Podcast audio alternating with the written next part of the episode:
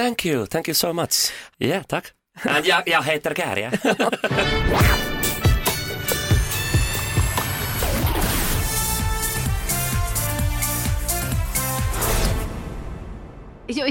Jag, förlåt, jag skulle säga välkommen till slagerfesten, men i mitt huvud så rullade den här... uh, Du, du, du, du, du, du, du. Så jag fick för mig att jag skulle börja nynna på den och sen så blev blev det en liten kortslutning där. Jag höll på att göra det på engelska. Men nu är jag här och du är här och vem är du? Jag är här. Jag är Anders. Kanon. Jag är Elaine och vi driver ju den här podden ihop sedan alldeles för många år och nu är vi inne på det som är Anders, alltså högtid, Eurovision. Ja, bästa tiden på året. Ja, Det är bara två veckor kvar till den första semifinalen nu, så nu börjar det dra ihop sig på riktigt. Ja, men det känns helt galet. Det är bara en och en halv vecka nu tills jag åker ner. Det är bara några dagar tills eh, den svenska delegationen åker ner. Och det pågår stand-in repetitioner för fullt eh, på scenen nere i Liverpool. Snart ska vi få se den på riktigt också. Det borde vara eh, idag faktiskt när den här podden släpps som det eh, kommer att visas upp bilder när kung Charles på något vänster ska göra någon ceremoni och tända upp scenen eller, eller någonting sånt. Jag har inte riktigt förstått, men, men Ja, jag tänker att det klarnar. Det där hörde jag faktiskt på radion idag, så att det har jag koll på. Ja, vad ska vi prata om idag då? Vi ska prata om oddsfavoriterna, eller ja, Mm. oddsfavoriterna och, och lite snackisar. Eh, men framförallt om oddsfavoriterna och om programmet förstås. Vad vet vi att vi kommer få se? Eh, vilka mellanakter ska vi ha? Vilka programledare har vi? Allt för att kunna ladda upp så mycket som möjligt. Ja, för det har kommit jättemycket pressreleaser från BBC de senaste veckorna här med, med namn fram och tillbaka. Så att om du har lyckats sammanställa det här så att jag får det lite klart för mig, så ja, då är jag jättetacksam. Vi får väl se. Jag hoppas det i alla fall, men det var inte lätt ska jag säga dig. Dessutom ska vi ju prata med Kärje från Finland, höll jag på att säga. Det är ju inte riktigt sant, för det är ju faktiskt min kollega Lotta Bromé som har träffat Kärje. Men eftersom jag och Lotta jobbar på samma radiostation och den här podden tillhör samma radiobolag så har vi fått ta del av en del av det som Kärje pratade med Lotta Bromé om idag. Vi skäl med stolthet. Vi lånar och jag frågade om lov först. Men programmet då, Anders? Programledarna, där, Mm. här har de också snurrat till det lite, men jag ska försöka så gott jag kan att få fram hur det här funkar.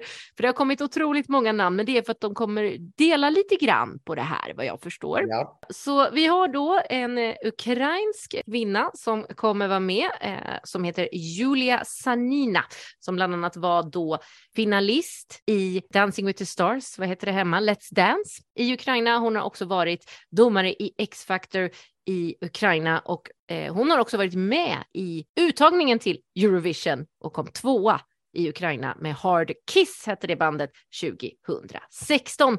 Och hon har också varit då jury i Ukrainas eh, nationella uttagning. Så hon är ju som klippt och skuren för Eurovision ja, det får man ju säga. Ja, de har valt med stolthet där. Dessutom kommer vi få en eh, brittisk Emmy Award vinnande skådespelerska som också har spelat på West End, förstår du. Hon har Oj, oj. spelat Wizard of Oz, Kiss Me Kate med mera. Hon har även varit med då i Game of Thrones, bland annat det som hon är allra mest känd för. Oh, Mm. vem, vem spelade hon i Game of Thrones? Hannah We- Weddingham heter hon, den här stolta kvinnan. Hon spelar den här nunnan som eh, straffar Cersei. Ja, ja, Mm. ja, då är jag Mm. med. Ja, så hon är lite ond. Eller ja, Ja. Cersei var ju också ond. Där, vi kan ha en hel podd om Game of Thrones också sen eh, när Det Eurovision är över. Hannah Weddingham heter hon i alla fall. Och sen då så dyker även popstjärnan Alicia Dixon upp här som programledare. Alicia Dixon är ju ett namn som man, jag tror att man känner till det. Hon har ju varit med i massa fantastiska brittiska program och även släppt den här eh, härliga låten som heter He- The, The Boy Does Nothing. Jättehärlig.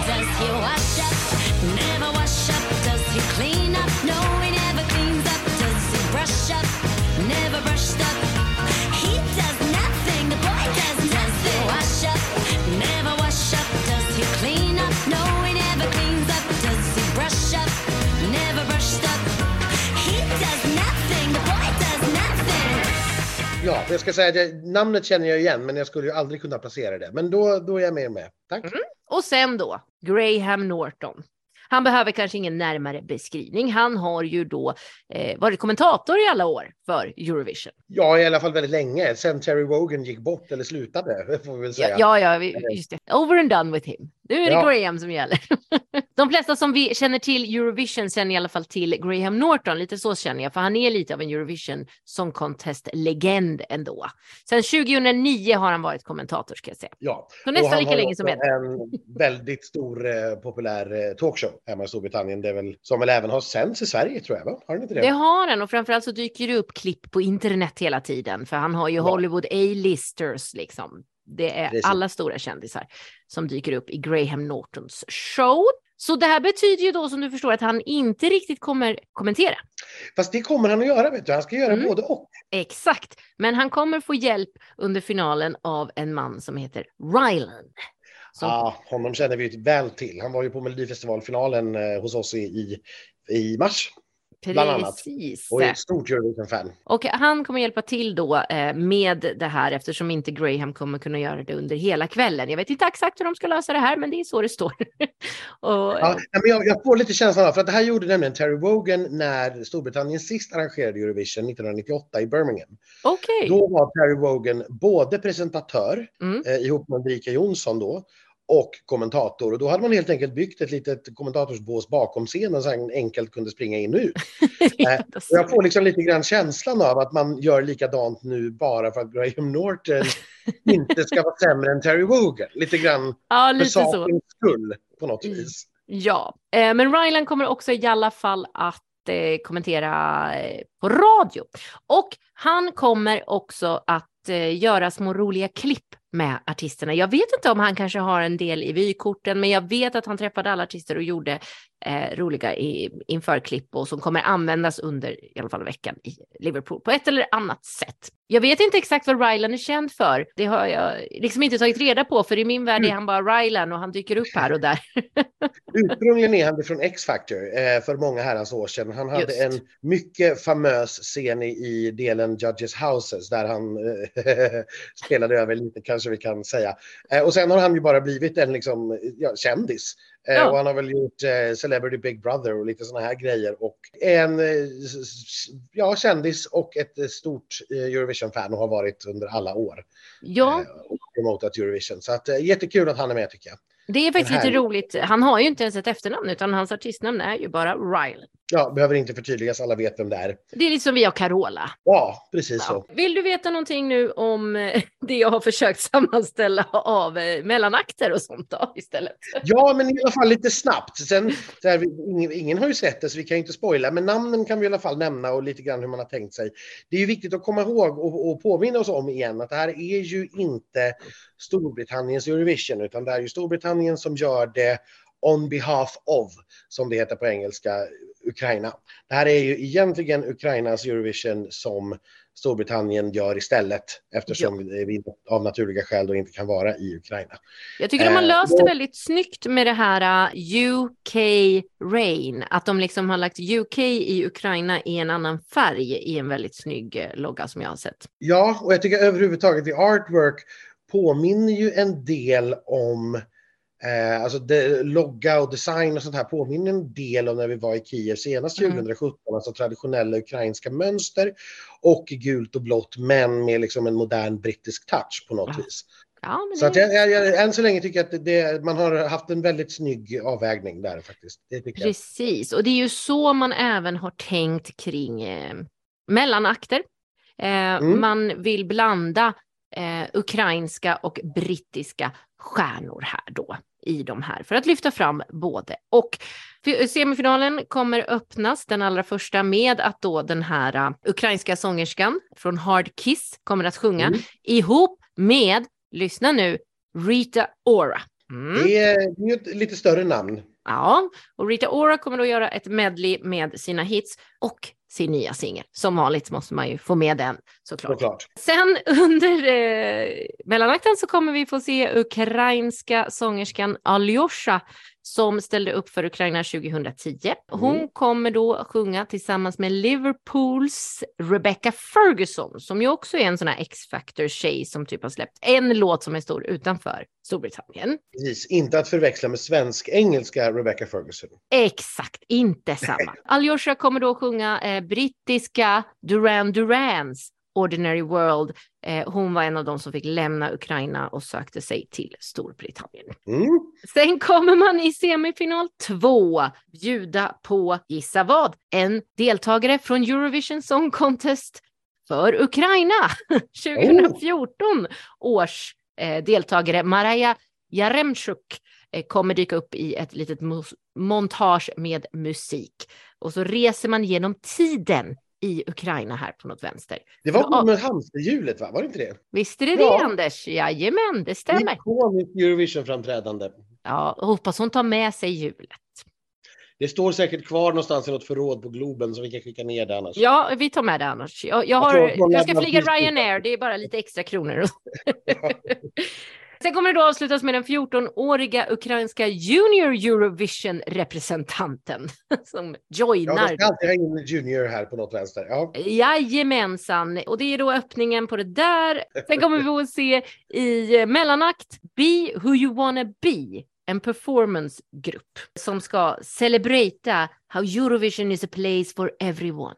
För jag har ju Mm. hört oroväckande nyheter om en spoken word också någonstans här. Nej, det är inte här, utan här är det drag. Eh, Okej. Vilket är härligt, tycker jag. Ja, det Det- och de ska då representera det stora spektrum av fans som finns för Eurovision. Det spelar ingen roll hur gammal man är, vart man är ifrån eller vilken bakgrund man har. Väldigt fint, tycker jag. Väldigt fint och och helt korrekt. Och sen är det ju då att sloganen är United by Music, vilket gör att Grande Finale, va? då har de ju bjudit in, lyssna nu, ännu Mm. fler deltagare från Eurovision från Ukraina.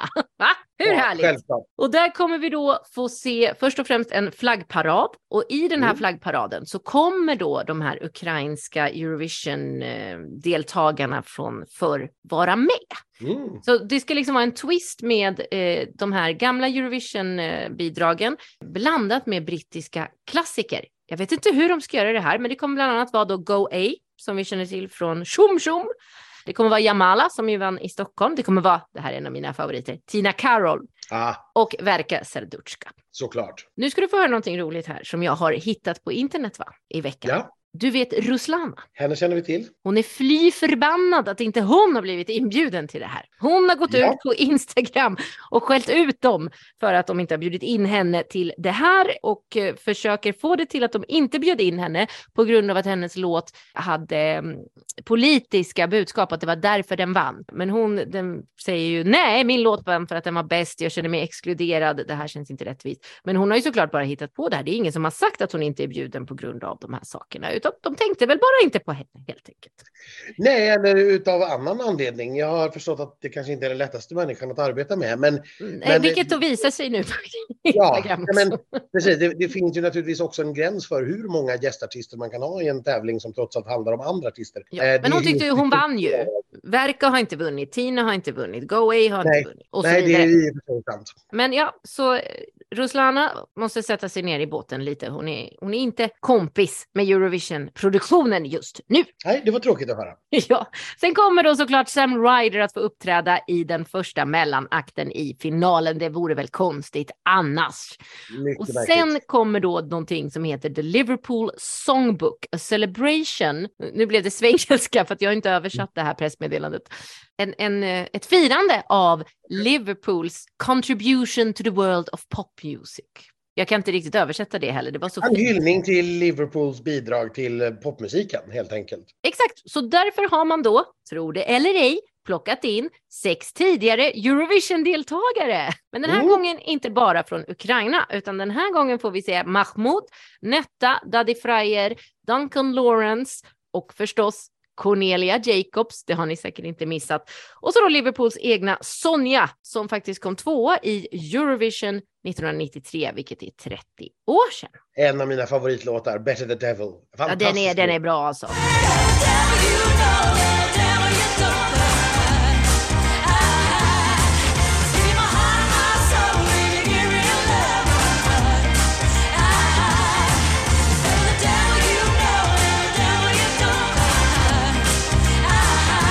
Borde ha Eh, vunnit. Och förlåt, jag glömde ju säga att självklart kommer Kalush Orchestra öppna innan flaggparaden i finalen. Naturligtvis. Ja. Jag tänkte ni saknade dem där. De är med, det är ingen fara.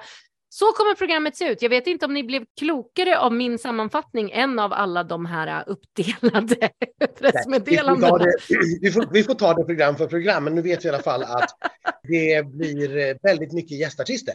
Om, om Ruslan var arg för att hon inte blev inbjuden så kan jag tala om att spanska fans har varit vansinniga över att Cornelia Jacobs har blivit inbjuden och inte Chanel. Men, eh, och, det, och det spekulerades i om hon hade blivit tillfrågad men tackat nej, men man fick inte riktigt något svar på det.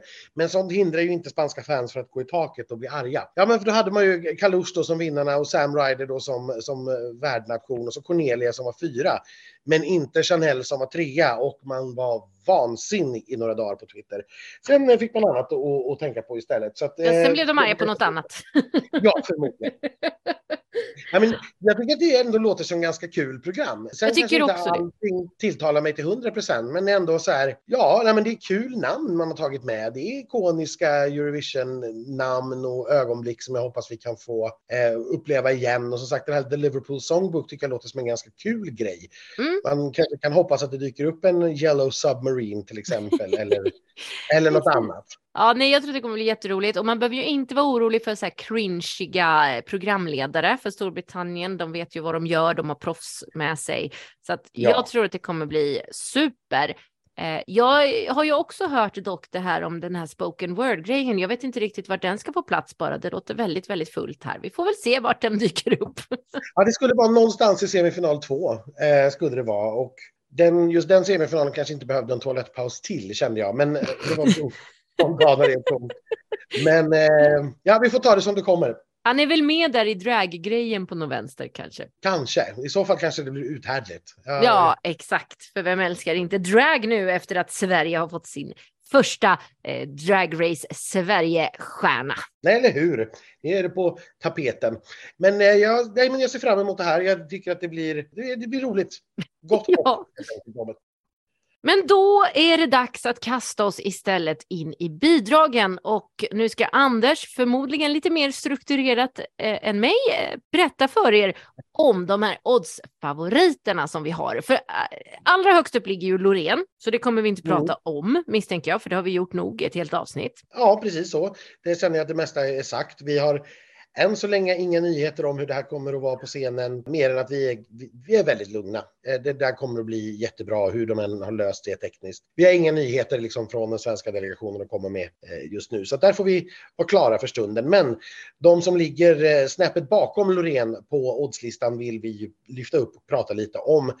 Därför att med nästan 100% sannolikhet vågar jag påstå så finns vinnaren bland dem. Loreen eller någon av de som ligger allra näst bakom. Att det skulle dyka upp någon nerifrån på oddslistan och faktiskt gå hela vägen. är Väldigt, väldigt osannolikt. Det, det har hänt, men det är otroligt osannolikt. Är det inte ett sånt år känner jag, sådär rent Nej, jag känner inte heller det. Jag tror liksom inte att det är att någon av de här eller några av de här kan möjligen falla igenom när vi ser det live, men inte allihop. Det händer Nej. liksom inte. Så skakigt är det inte. Nej. Loreen kommer inte falla ihop. Det, är som, det kommer det hoppas jag bli. verkligen inte. Nej, men då tänkte jag bara för att vi ska få höra delvis en annan röst än vår också. Så jag börjar med eh, vårt kära grannland Finland som ju är tvåa på oddsen. Det är de. Och, ja, om någon hade sagt för ett år sedan att Finland skulle ligga tvåa på oddsen med en låt på finska så finns det åtminstone ett antal miljoner människor i Finland som hade trott att man var vansinnigt tokig. Ja, Men nu, nu är vi här i alla fall och ni har säkert hört den. Det artisten kallar sig för Kärje, eh, heter egentligen eh, Jere Pökönen. Jag otroligt ber fint. mycket om ursäkt för mitt finska uttal. Han är 29 år, han kommer ifrån Rödsand eh, som ligger i Vanda utanför Helsingfors. Eh, om man slår upp Rödsand på eh, Wikipedia så får man veta att de har en sevärdhet och det är en liten kulle som ligger vid flygplatsen eh, så man kan titta på flygplan. Mysigt. Eh, Så vill ni följa i Jere Pöjönens fotspår och besöka hans eh, barndomsbygd så kan man titta på flygplan eh, när man är där. Låten heter Cha Cha Cha och vi tar väl ett litet smakprov på den först i alla fall så att vi får påminna oss om hur den låter. Ja. Pidä kaksi käsikini juomista.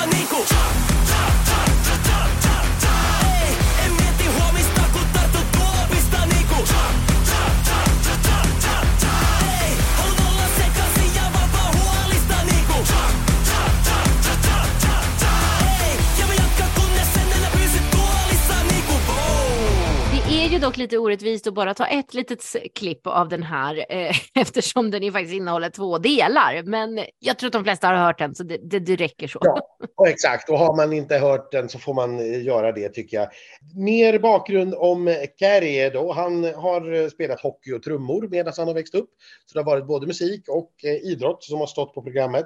Sin eh, debutsingel släppte han faktiskt 2016, så det är ganska många år sedan nu. Oj. Eh, Det första albumet kom 2020. Den finska finalen, UMK, ur den musiken Kilpailu, eller tävlingen för ny musik som den heter, har ju blivit med åren, eller de senaste åren, en jättesuccé i Finland. Den hade över 2,1 miljoner tittare i piken Oj. år, vilket är enormt mycket för Finland. Ja, Eh, Det inkom 230 000 telefonröster. wow. Vilket är också jätte, jättemycket. Och Carrie fick över 52 procent av dem. Så han Ja, fick mer sjukt. än alla de andra bidragen tillsammans. Det var en monsterseger. Eh, monsterseger. Men vi ska väl höra lite grann. Det är väl bättre att han berättar själv vad den här låten handlar om för honom.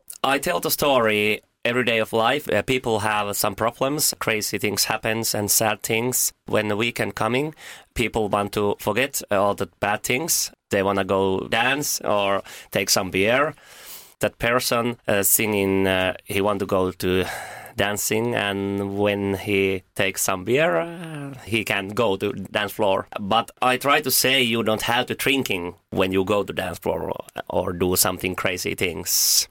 All people can do what they want to do. You don't have to take any alcohol or something like that. We want to try something crazy. The first part the story when in everyday life we have hard things and then we go to last part the guy goes dancing ja, men det låter ju precis som vilken vecka som helst det här.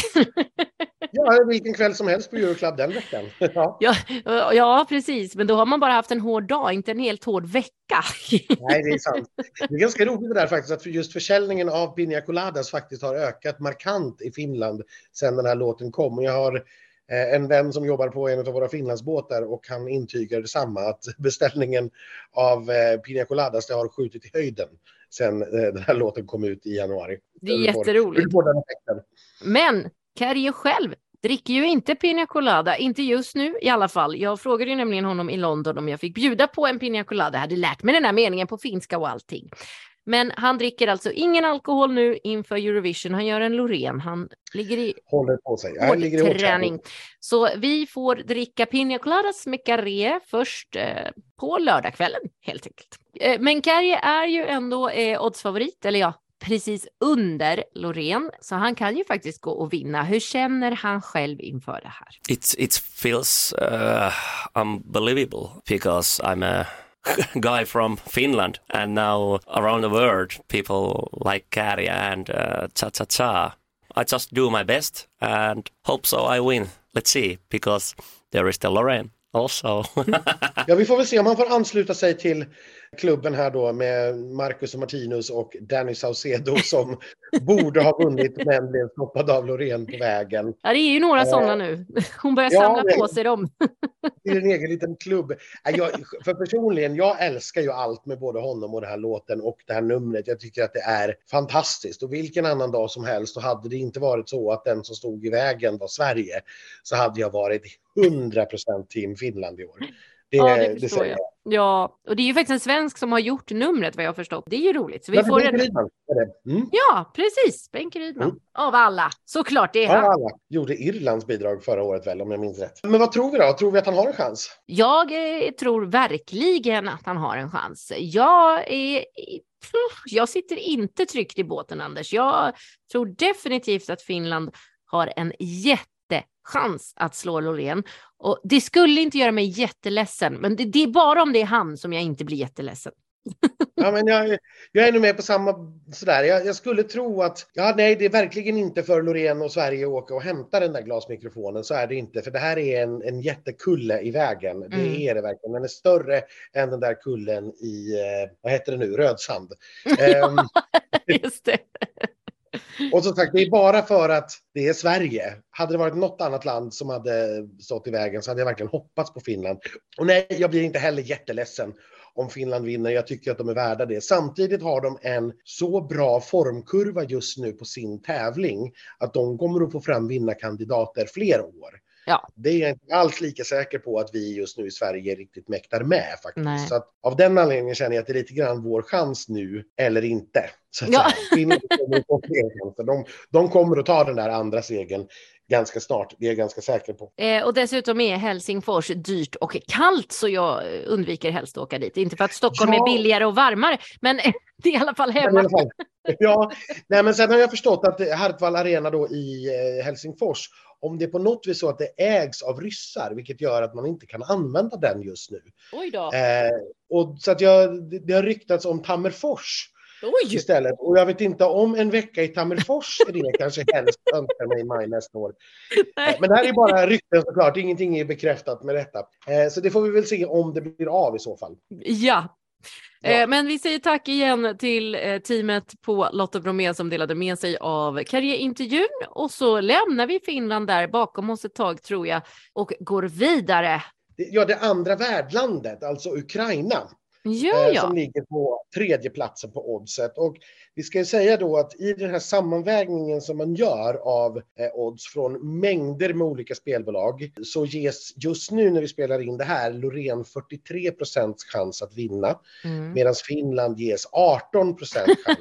Jäklar. När vi nu kommer ner till tredjeplatsen eh, och Ukraina som ändå är där då så är vi nere på 7 procents chans att vinna. Oj. Så det har ju rasat ganska snabbt här. Ja, verkligen. Men Ukraina är i år en duo som kallar sig för Tvorchi.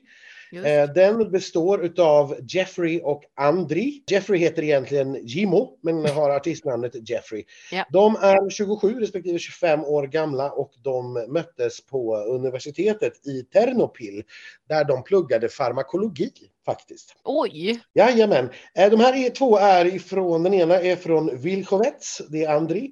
Och Jeffrey kommer faktiskt ifrån Nigeria, var utbytesstudent i Ukraina och har därefter blivit kvar. Och eh, ja, de började släppa musik 2017. Eh, de har släppt fyra stycken album hittills. Alla de har varit eh, på första platsen på albumlistan i Ukraina. Så det är ju en framgångsrik duo. Den här låten de eh, tävlar med nu, Heart of Steel heter den. Ska Just. vi lyssna på den lite grann så vi påminns om hur den låter? Ja, Don't care what you say, yeah, yeah. Don't care how you feel. Get out of my way, yeah, yeah. Guess I got a heart of steel. jag kommer alltid på mig själv när jag lyssnar på den här att eh, jag tycker att den är rätt bra och så glömmer jag bort vad det är. Men fortsätt. Nej, men den handlar ju då, inte helt eh, oväntat kanske då, om mod och styrka och att vara fri i uttryck och tanke oavsett vilka omständigheter man har. Som sagt, det här spelade, de, de tävlade ju, de hade ju faktiskt en nationell uttagning nere i tunnelbanan i Kiev Ja. eh, i vintras. Det var en ganska absurd upplevelse att se, men det, det bevisar väl hur viktigt det här är för Ukraina. Ja. Eh, och jag vet att president Zelensky har sagt vid flera tillfällen att alla tillfällen där Ukraina får möjlighet att visa upp att man fortfarande existerar och fungerar Mm är en seger. Det, det vill säga det är så otroligt viktigt för dem att visa att vi finns kvar och vårt samhälle fungerar. Och därför körde man då den här nationella finalen nere i tunnelbanan för det var liksom det tryggaste stället. Tågen gick förbi, bara, det var bara någon meter ifrån scenen. Det finns lite så här eh, bakom kulisserna av filmer på Youtube om man vill leta Ja. upp det. Jag tycker inte att det här är särskilt kul faktiskt rent Nej. personligen. Det tycker jag inte. Där, det de ska ha cred för, det är att de väldigt, väldigt lätt hade kunnat gå på det här jag ska säga, krigstemat och gjort något tårdrypande utav det. ja, exakt. Och istället går åt ett helt annat håll. Det handlar fortfarande om, om det de utsätts för, naturligtvis. Eh, men med ett helt annat musikaliskt uttryck, ett helt annat spår. Och jag tror att det går in i samma tema som vi pratade om, eller som jag sa nyss då, att ja, men Ukraina finns och vi existerar och det fungerar precis som vanligt. Ja. Det är liksom uh, business as usual här. Ja, Och det tycker jag de ska ha ett stort, stort plus för. Sen är ju då verkligen. frågan, har de någon chans i tävlingen i år? Eh, och då måste vi ju gå tillbaka till det här som vi pratade om redan förra året, det vill säga vad Kalush Orchestra var det sympatiröster? Och jag hävdar ju med en dåres envishet att nej, det var inte sympatiröster som gjorde att Kalush Orchestra vann.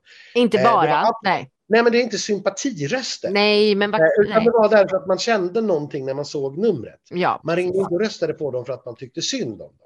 Nej, nej, nej, utan absolut därför att numret och sådant skapade något som man kände. Men jag tror helt enkelt att den här låten är alldeles för dålig för det. Exakt, för det pratade vi ju också om. Hade förra årets ukrainska bidrag dessutom inte antagligen varit i topp 10 oavsett hur det såg ut i världen så skulle den inte ha vunnit. Men nu hade den förmodligen hamnat i en topp 10-placering helt utan eh, känslorna kring vad som händer i Ukraina. Och den här Ja. är ju inte där. Det är den inte. Nej, absolut inte. Och, nej, vi, vi återkommer till det, liksom att förra året innan Rysslands invasion eh, så var Ukraina femma på oddslistan. Mm. Alltså, Mm. det, var en låt det. som man, Mm. det var en låt som man åtminstone bollade med tanken på skulle kunna ta hem det. Ja, Eh, och sen hände då det som hände, vilket ju innebar att både låten och numret fick en helt annan innebörd än vad den egentligen var tänkt som. gud. Jag tror som sagt inte alls att låten är tillräckligt bra. Jag tror inte att de kommer ha förmågan att väcka de känslorna live med Nej. den här låten. Nej. Men där kan jag ju såklart ha helt fel. Det måste vi vänta Exakt. tills vi ser den. Det vet man ju inte. Det är det som är lurigt. Det är det som är lurigt. Mm. Eh, men det är klart, det är väl helt eh, korrekt ändå utav oddsmakare och spelare att i alla fall inte räkna bort dem. Och det kan ju naturligtvis också ske saker. Det är ju som sagt då tre veckor kvar till finalen. Mm. Eh, det kan ju ske saker i det där kriget som gör att liksom, sentimentet förändras helt också i Europas befolkning. Så är det. Så kan det absolut vara. Usch, Bushi bushi. Ushi bushi. Ska vi kila vidare då till den som ligger fyra på oddsen? Det är en ganska ny fyra. Ja, precis. Vi har nämligen en liten grupp här med tre låtar, eller tre bidrag ska vi säga, som eh, ligger på ungefär kan vi väl säga samma odds. De anges till 5% vinnarchans alla tre. Okej. Eh, men så någonstans diffar det lite, lite grann till någons fördel och så hamnar de i, i lite olika ordning. Men det har skett nu under dagen faktiskt att Frankrike, som vi just nu finner på fjärde platsen har gått från sjätte plats upp till fjärde plats på två dagar. Och här vet inte jag riktigt vad det är som ligger bakom det. Om det skulle kunna vara så att det möjligen har läckt något litet videoklipp från en stand-in repetition kanske som imponerade på några som fick se det. Skulle kunna vara så. Aha. eh, Du har inte sett något sånt, nej? Nej, det har jag inte. Nej. Jag är mycket avundsjuk om någon har fått se Ja. det. Men det är det enda jag kan tänka mig som liksom förklarar den sortens rörelser just nu. Det är att Ja. har läckt något till någon. För annars så har ju ingenting hänt. eh, Nej, liksom. precis. Eh, Så det borde stått ganska still. Nåväl, Frankrike representeras i år utav La Sara som egentligen eh, inte heter Sara såklart utan hon heter eh, Fatima Sara Hafti. Och hon är eh, faktiskt inte ens fransyska. Nej. Hon är kanadensiska förstår du och kommer ifrån Montreal. Hon är av, precis som Loreen, marockanskt påbrå men född och uppvuxen i Kanada. Där har hon varit frisör i Okej. många år. Och eh, hon har nu blivit 35 år och har egentligen nu på sista tiden bara börjat satsa på musiken. Hon var på en fest för ett antal år sedan och där träffade hon på hiphop-producenten Benny Adams. Och eh, han blev imponerad av hennes röst och satte ihop eh, henne med en, tydligen får jag ju säga, känd rappare som kallas för Miro. Eh, och då eh, släppte de lite låtar och så vidare. Hon gjorde singeldebut 2020. Sedan släppte hon fem stycken singlar under 2021, varav en faktiskt sålde Platinum. Det här ledde också till en nominering på Energy Music Awards i Frankrike, vilket anses vara så att säga, den, det tyngsta musikpriset. Och där fick hon det i, eh, ja, jag, jag, jag lyckades inte riktigt från franskan översätta vad det var för kategori. Men det handlade ju någonting om så här, eh, bästa sångerska, bästa franskspråkiga sångerska eller någonting liknande Okej. som hon blev nominerad för. coolt. Eh, och sen kom också i slutet av 2021 debutalbumet Traitrice heter det. Så att hon är inte jätteerfaren och hon är inte en jättestor eller känd artist på något vis. Nej. Eh, den här låten den heter Evidemment och vi tar väl och påminner oss hur den låter också. Évidemment, toutes ces belles promesses que j'entends,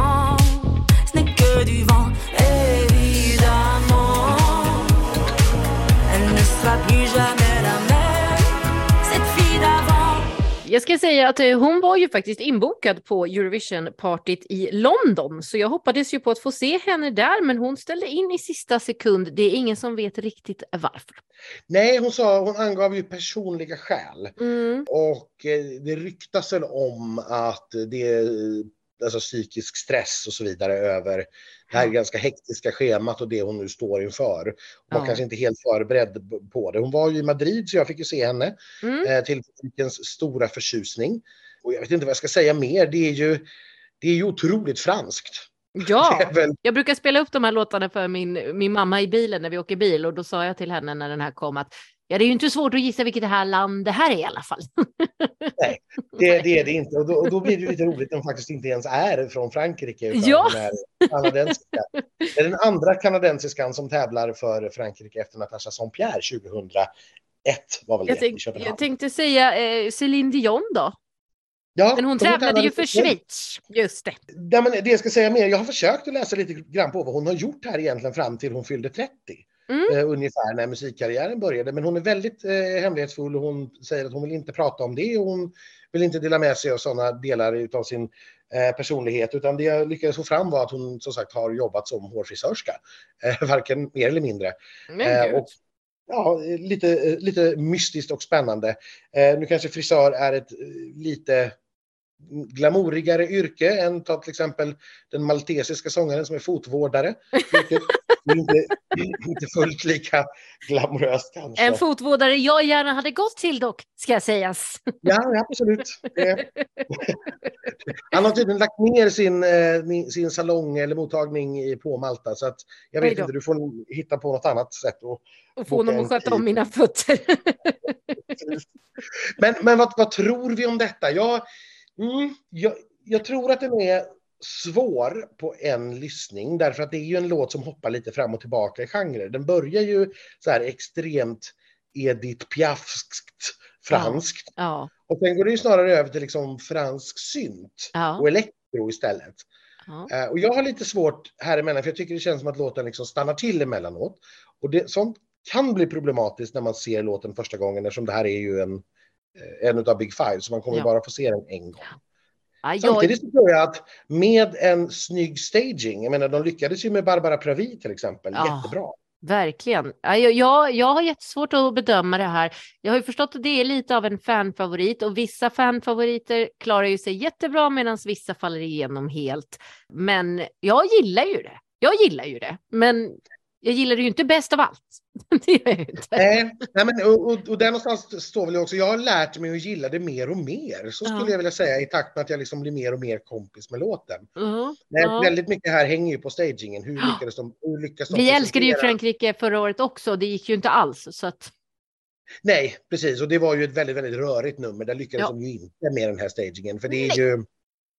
Det är så, har man bara en chans, har man bara tre minuter så måste man vara extremt tydlig med att sätta låt och artist i fokus. Ännu mer tydlig än vad man måste vara när man har två chanser på sig. Alltså både semifinal och final. Ja, vi, vi får väl se. Men den är med där uppe på oddset i alla fall. Och då är det väl i alla fall sannolikt att den kommer att vara med, i alla fall inte långt ner eh, i resultatlistan. Så får vi väl tro nej, så får vi tro. Och då ska vi till den som nu då trillat ner på femteplatsen på oddsen och det är ju ännu ett grannland. Precis, men åt västerut istället för österut och det är Norge.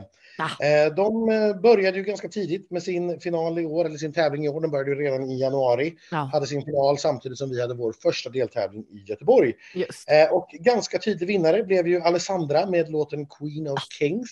Yes. Alessandra Mele, hon är eh, 20 år. Hon kommer ifrån Italien. Hon har en norsk mamma men en italiensk pappa. Hon har faktiskt bott i Italien fram till eh, 2021.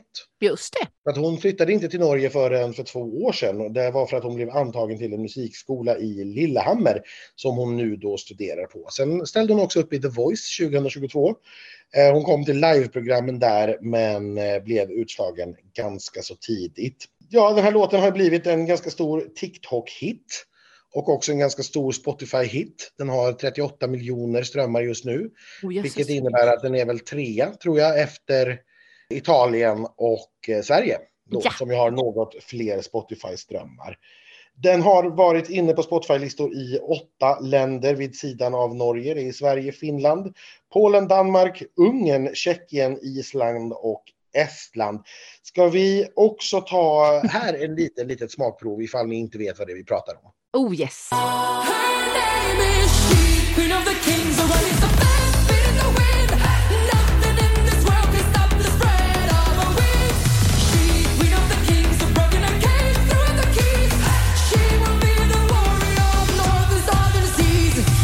Ja, hurra! Det är ju en ganska käck bit alltså. Ja, alltså jag älskar ju det här. Jag är helt, helt med på att det här skulle kunna bli liksom en Keino eh, när det kommer till eh, tittarröster nästan. Ja. Även här är det väl bara Loreen som eventuellt står i, i vägen. Ja, jag tycker den är, ja, den är riktigt skön. Alltså. Lite men- uttjatad nu eh, eftersom den kom så tidigt. Men Ja men precis, för oss som har levt med den sedan januari så är den ju inte så ny och fräsch längre och det kanske inte är en, en sorts låt med den längsta hållbarheten så att säga. Men nej, för den är också bara inte- 2,40 lång. Ja, nej men, men för den stora publiken så är det naturligtvis första gången de kommer att Ja. höra den ändå. Även om den här då har snurrat runt på en del listor, har gått på radio, visats på TikTok och så vidare och så vidare. Ja. Eh, jag, jag, jag tror också att det här kommer att gå helt okej för Norge. Jag tror inte att man är med och utmanar om en seger, det har jag jättesvårt att se. Eh, men en topp 10 tror jag absolut på, inte minst då tack vare televoten som du säger. Jag tror att den här kommer gå väldigt bra i televoten. Mm. Och jag ser ingen egentlig anledning till att juryn skulle eh, liksom ha den jättelångt ner eller såga den.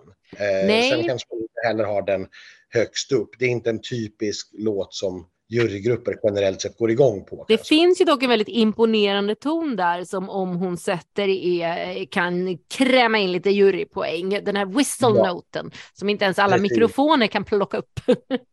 Nej, exakt. Det hon var ju med i BBCs Eurovision eh, podcast och de intervjuade henne om den här eh, tonen och hon hade ingen aning om att hon kunde ta den. Utan det var låtskrivarna som tvingade henne och så fanns den tydligen där. Men när hon skulle demonstrera den i podcasten så kunde inte deras utrustning plocka upp så höga hertztal helt enkelt. Så det Nej.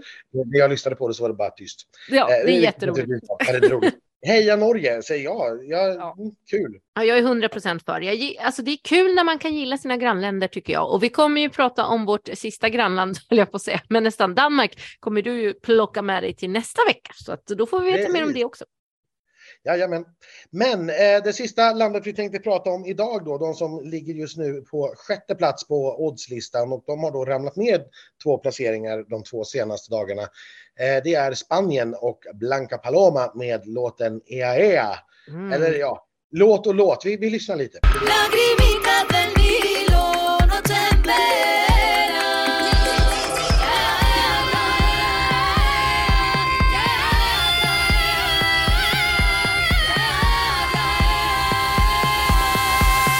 Kallar ju henne för Gap-Maja. Men, men Ja. eh, som hon gapar å andra sidan, det, är- det är fängslande. Det, hon gör ju det. Det är ju alltid någon som ska vara gapmaja varje år. Nästan alltid är det ju Albanien, men i år har det istället blivit Spanien. Eh, och Ja. gapmaja eh, kanske låter lite negativt och det menar jag egentligen inte. Eh, det jag menar är att jag har ju personligen väldigt svårt för låtar som bara går ut på att visa upp en eh, liksom vokal förmåga, när det Mm. bara blir röstakrobatik Mm. utan någon egentlig anledning. När låten liksom inte alls befinner sig på den nivån utan eh, det är skillnad, bara för att ta en jämförelse, det är liksom skillnad när Whitney Houston ägnar sig åt det. Ja, absolut. Eh, än när en albansk artist, ja du förstår vart jag Ja, jo. Men det här är ju trots allt ändå traditionell flamencosång vad jag förstår. Ja, precis. Blanca Paloma, eh, vi ska berätta lite var hon kommer ifrån. Hon är 33 år, kommer från Elche i Spanien. Hon eh, har därifrån en kandidatexamen i konstvetenskap. För tio år sedan eh, flyttade hon till Madrid för att ägna sig åt teater, för hon är inte bara sångerska utan hon är också scendesigner och kostymör. Oh. Och eh, ja, hennes musik är ju kraftigt influerad av den här väldigt klassiska flamencon. Mm. Eh, hon tävlade ju då i Benidorm Fest som ju är Spaniens uttagningsmetod nu för tiden. Eh, även förra året, då kom hon på femte plats med låten Secreto de Agua, Mm. alltså vattnets hemlighet. Yes. Eh, ungefär. Ea ea, för den som inte känner igen det ordet från skolspanskan, nej det betyder ingenting utan det är ju bara vad hon sjunger. Ja, det är ju ljuden hon gör. Ja. Hon håller på och skriver på sitt debutalbum just nu och jag, hon, hon beskrev det som, jag ber om ursäkt för att det är lite pretentiöst det här, men det är alltså, det är alltså Blanca Paloma som är pretentiös och inte jag. Och jag har Ja. försökt att, övers, jag har försökt att översätta det till svenska, att hennes album vill utforska delar av själen bortom orden. Oj, Och genom rit eller ceremoni koppla ihop oss med det instinktiva och det förrationella. oj, Ja. Så det är vad ni ska känna när ni hör den här låten. Ni herregud. ska, känna, Ja. ni ska känna att det är en rit eller en ceremoni som kopplar ihop er med det instinktiva och förrationella. Om Ja. ni känner det, då är det högsta poäng. Känner ni inte det så... Alltså. En ritual känns det ju som. Det känns nästan som en sån här eh, häxsamling på något sätt. Ja, det är ju nästan lite grann som att det... För att när jag då såg det live i Madrid med 2 500 skrikande fans så var ju det Ja. här, det var ju närmast ett religiöst väckelsemöte jag har varit på. Ja. Det, var, det var verkligen hypnotiskt och hon Mm. är, trots att jag, jag klarar inte av att lyssna på den här låten. Jag gör Nej. verkligen inte det. Nej. Så när jag ser henne live så är hon ju verkligen magnetisk. Alltså hon Ja. är helt hypno, hon hypnotiserar publiken Mm. med det här gapandet. Ja. Och hon gapar ju jag- bra. Ja, hon är ju fantastisk. Ja. Och därför är jag, jag är lite nervös för det här, för vad det skulle kunna ställa till med i tävlingen faktiskt. Mm. Eh, därför att det är en sån grej som, bara, som kan hända när man ser det. Ingen skulle lyssna på det här frivilligt liksom på Spotify. Eller, Nej, det kommer inte få någon som helst radiotid, åtminstone inte utanför Spanien. Nej. Men just som, som tävlingsbidrag, som konstverk så att säga, Mm. så är det en helt annan sak. Och där skulle det mycket väl kunna fungera. Ja. Både hos jury och hos tittare. ja, det är lite så här Sobral över det på någon vänster. Ja, eller Jamala om man hellre vill. Båda Ja. två funkar som jämförelse i att Ja. det handlar snarare om konstverket som framförs just där och då snarare än om låten i sig. Ja, men tror du Men, eh, verkligen att det kan ställa till det så pass att det, att det slår ner Loreen eller tänker du mer att så här, det kan ställa till det i toppen i övrigt? Alltså, jag vågar ju inte ta någonting för givet. Nej. Eh, ska jag säga att vi har någon utmanare mot Loreen vid sidan av eh, Finland så skulle jag säga att det är den här som Mm. skulle kunna Mm. utmana. Men jag skulle också säga att oddsen ger henne 5 chans att vinna och det är nog det, men det, det tycker jag är en ganska rimlig uppskattning. Men Alltså, det är ju en- innan en det är sett. Det är ju det. Ja, det är innan vi har sett det. Eh, Ja. Det är också lite grann får jag säga då, trösta mig med är ju att nu får vi känslan därför att de spanska fansen är så uppe i varv överallt och hon var i Madrid och har varit i Amsterdam och, och ligger ändå högt upp på oddslistan så får man ju känslan av att det här är verkligen som nu är Spanien på gång efter Chanel förra året. De är i ett Exakt. momentum.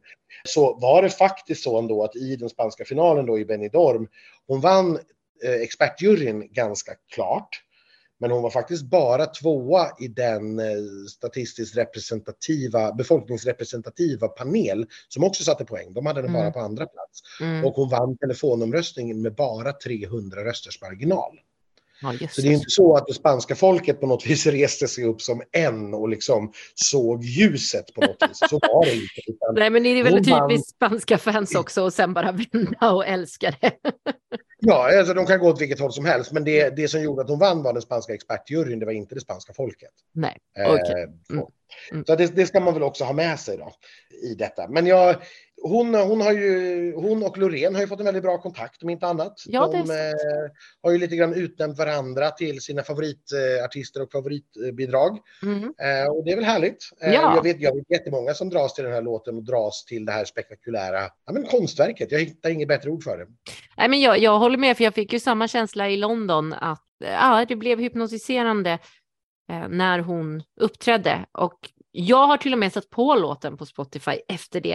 Eh, inte för att så här, oh, nu ska lyssna på den här fantastiska låten, men för att eh, liksom lyssna på det här fängslande ljudet på något sätt. Eh, För det är ju ljud som hon gör med sin röst. Det, det är det det är och sen så är det lite trummor. Ja, alltså för det finns ingen melodi Nej. egentligen att prata om. Det Nej. finns ingen rytm eller liksom så. Nej. Eh, det finns ingen text. Nej. Eh, utan det handlar ju egentligen bara om ja, vad det nu var för pretentiöst hon sa att vi skulle känna. Ja, Eh, någon ritual. ja, nej, men det, det är klart att det går ju att jämföra med, eh, liksom, om vi tar det här uppe i Norden då, liksom en samisk jojk till exempel, Ja. som är också ordlös sång som syftar på samma sätt. Och jag kan förstå att vi kanske är mer vana med den än vad spanjorer är, men de hör bara precis det jag nu hör när hon sjunger flamenco. Exakt. Alltså jag kan, jag kan tänka mig den jämförelsen. Mm. Och då tror jag ändå att den är lite för svår för att nå ut så brett som den behöver göra för att nå hela vägen upp. Men den kommer ju absolut ha sina, eh, sina tittare och sina fans där ute och de kommer ju å andra sidan då vara villiga att rösta. Mm. De kommer vara villiga att lyfta luren och betala för att rösta på den. Mm. Så att, eh, men jag, jag, jag tror inte att den ska vara hela vägen upp. Men ja, jag är lite orolig för den. Lite. Okej. Mm. Ja. Ja. ja, men det är okej. Det är okej. Det kommer bli Ja. bra, Anders. Tack. Sen, eh, sen kommer vi, när vi kommer längre ner på oddslistan så hoppar vi ner ytterligare ett snäpp. Då, då är vi nere på liksom 1 och 2 procentiga chanser. Då är vi uppe på helt plötsligt 30, 35, 40 gånger pengarna ungefär. Eh, och då betraktar jag det som, det är liksom för osannolikt. Det var det vi började med egentligen, att det här kommer inte att hända. Några av dem kommer att hö- komma högre än vad oddsplaceringen anger nu såklart, men hela vägen upp når de inte. Vi har till exempel Israel precis utanför Österrike som är en stor favorit till oss båda. Den kommer vi prata mer om nästa vecka. Och så vidare och så vidare. Italien är ju alltid en favorit. Storbritannien är väl där någonstans också. Storbritannien är också däremellan, Mm. precis. Men vi, vi tror väl inte att någon av de här ska ha en chans att ta sig hela vägen. Så att några av dem kommer vi återkomma till nästa vecka och resten får vi ta ja, allt eftersom tiden går helt enkelt. När vi Jag tänkte i- säga när vi har sett rep, men vi kommer inte se några rep. Men när Nej. vi, när vi är på plats och kanske hör mer snackisar och när vi har sett genrepet förstås.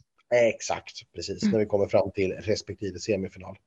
Men då så, då har ju vi lyckats prata jättelänge igen.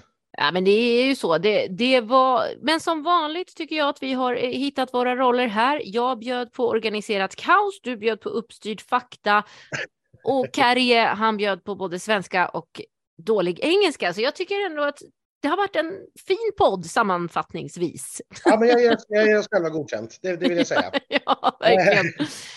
Ja, det, men det, det som händer härnäst då, som sagt, svenska delegationen reser ju ner till eh, Liverpool eh, på söndag, tror jag vi sa va? Den 29 Det är lördag till och med. Ja, så lördag. lördag. Ja. Precis, för de har första repetitionen på eh, söndag. Så är det. Eh, och vi hoppas väl i nästa avsnitt att vi ska kunna få en liten uppdatering därifrån med någon på plats. Det är Mm. ju precis innan eh, du åker ner och ja, inte så långt innan jag åker ner heller. Men att vi kan få prata med någon där nere som kan berätta kanske lite grann om hur det har gått och sådär. ja, Eh, vi får se vem vi får tag på, vem som har tid att prata med oss. exakt. De är ju några stycken där, så någon ska vi väl få tag på i alla fall. Ja, det får vi hoppas. Så det börjar ju liksom dra ihop sig och det börjar bli nervöst och det är dags att packa regnjackan. Det är vad Ja. det är. Och så Och yllestrumpor. Vi hörs nästa vecka allihop. Ha det så bra. hej då. Thank you. Thank you. I do my best. Thank you so much.